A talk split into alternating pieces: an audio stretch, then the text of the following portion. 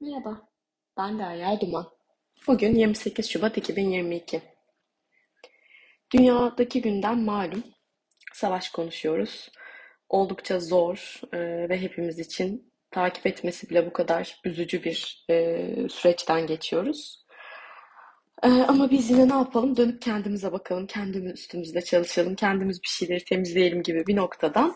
E, bugün hem Gestalt psikolojisinde çokça çalıştığımız hem de çok sevdiğim bir kitapta e, Soulcraft, Bill Plotkin'in kitabından derlediğim aslında bazı kendi içimizdeki kaosa nasıl bakacağımıza dair e, yöntem ve yolu aslında sizlerle paylaşmak istiyorum. E, hepimiz bazen işte wake up call denir ya buna bir çağrı. Bir çağrıyı hissederiz ya hayatımızda. Bazen bu bir hastalık olabilir. Bazen çok sevdiğimiz birinin, güvendiğimiz birinin ihaneti olabilir. Ya da bir arkadaşımızın.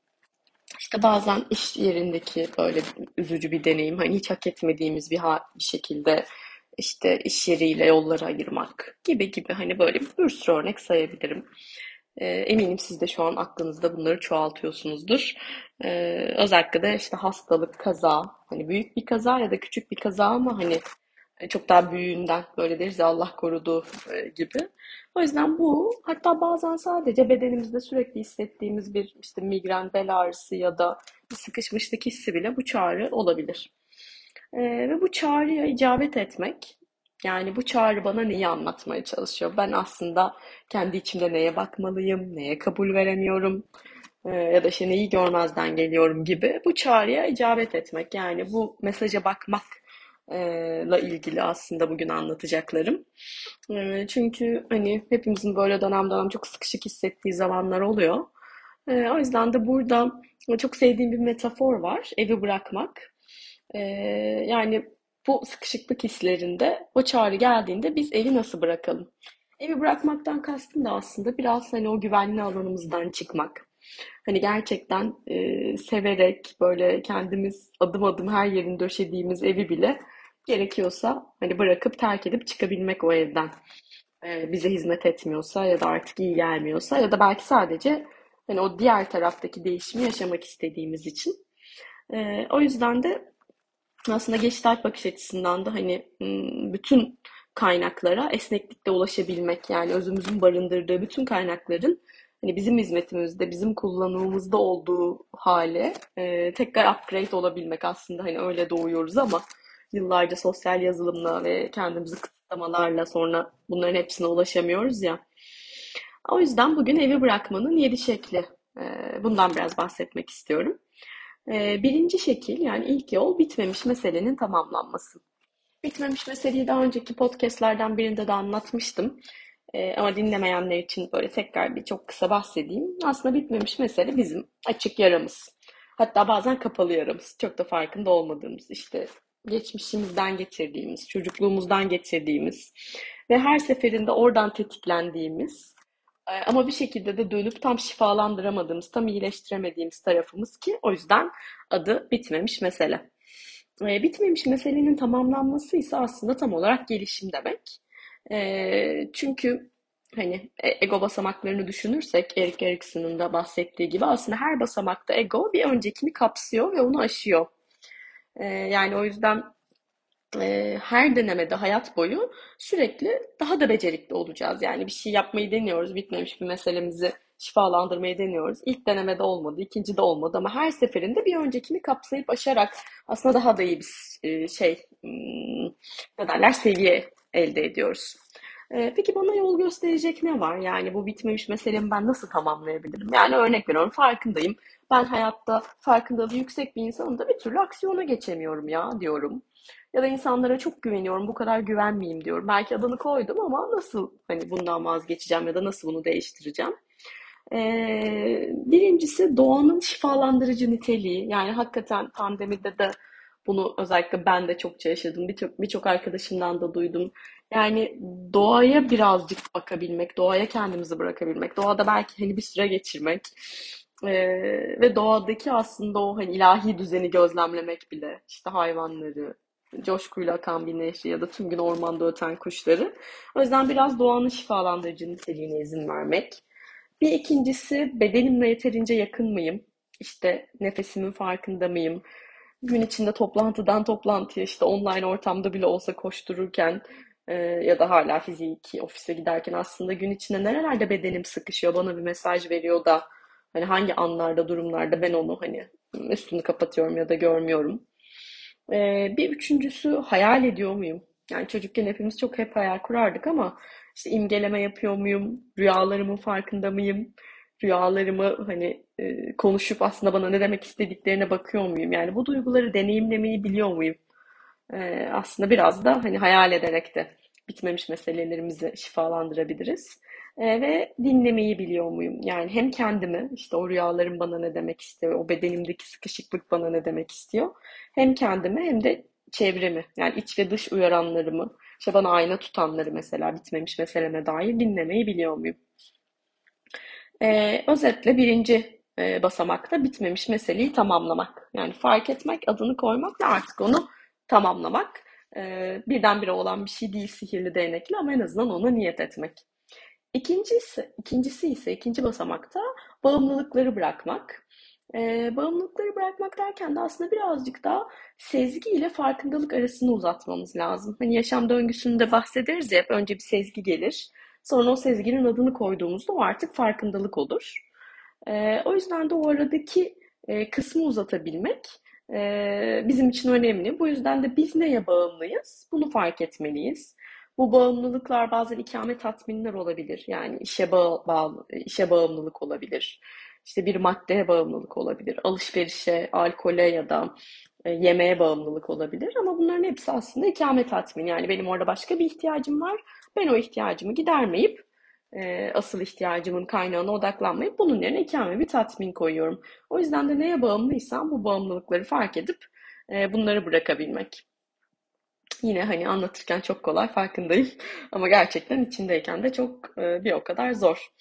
Hakikaten bu yola baş koymak gerekiyor e, kararlı bir şekilde. E, üçüncü adımsa eski kalıplara hoş geldin demek. Hani bunu böyle metafor olarak da çok seviyorum. Neden?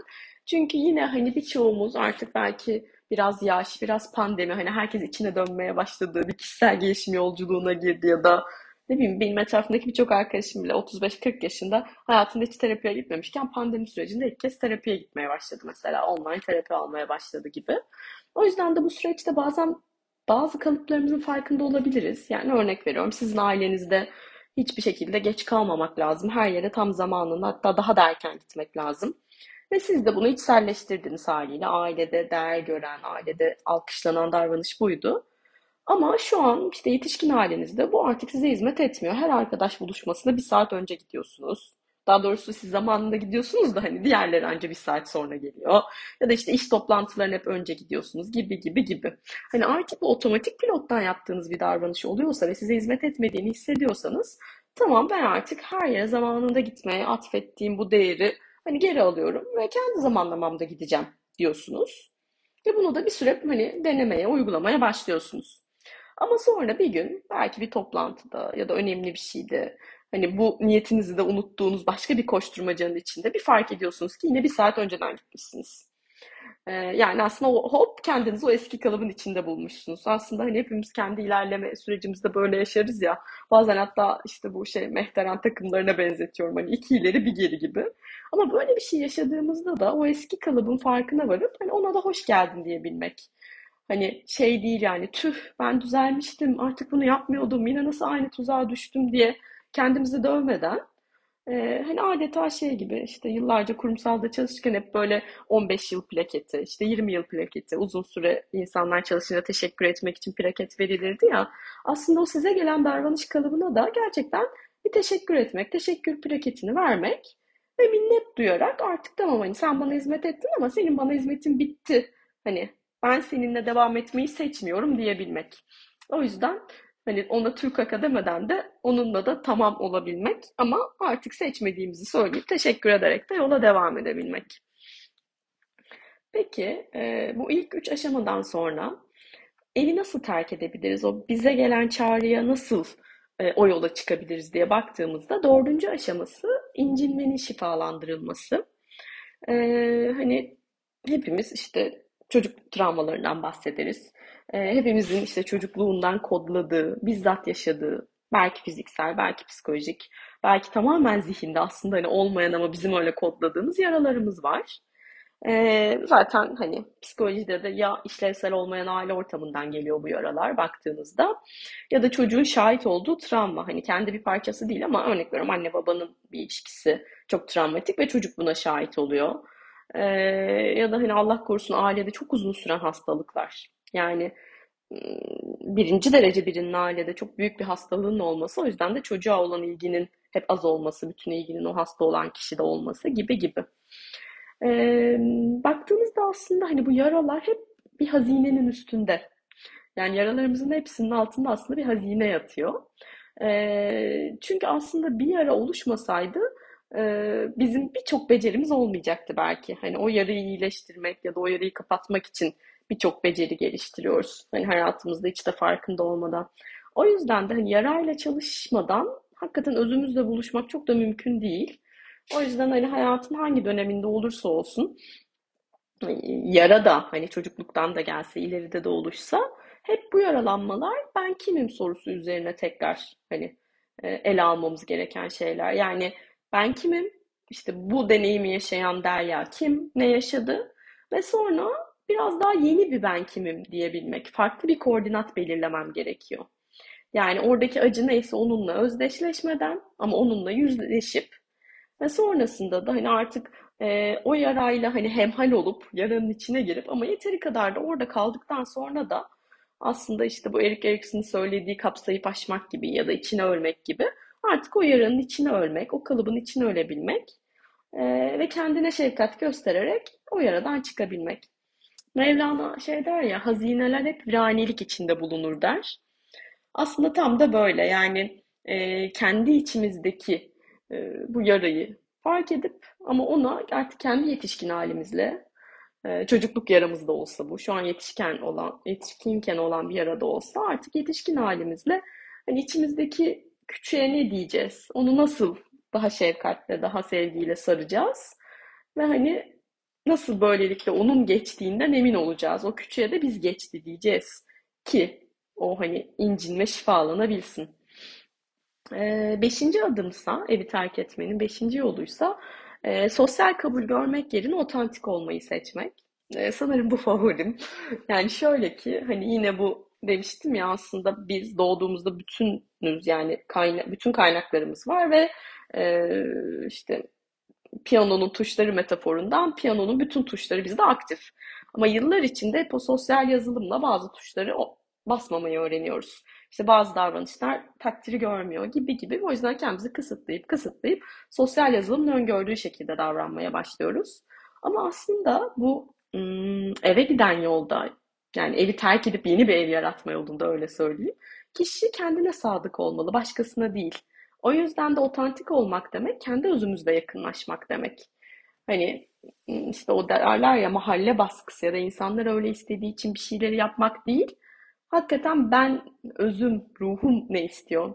Hani benim bu dünyaya gelme amacım ne? Ben hangi yolda nasıl bir hani deneyim yaşamak istiyorum? Nasıl bir etki bırakmak istiyorum odaklandığımda aslında sosyal kabul görmek yerine ben kendimle buluşmayı, kendime sadık olmayı seçebiliyorum.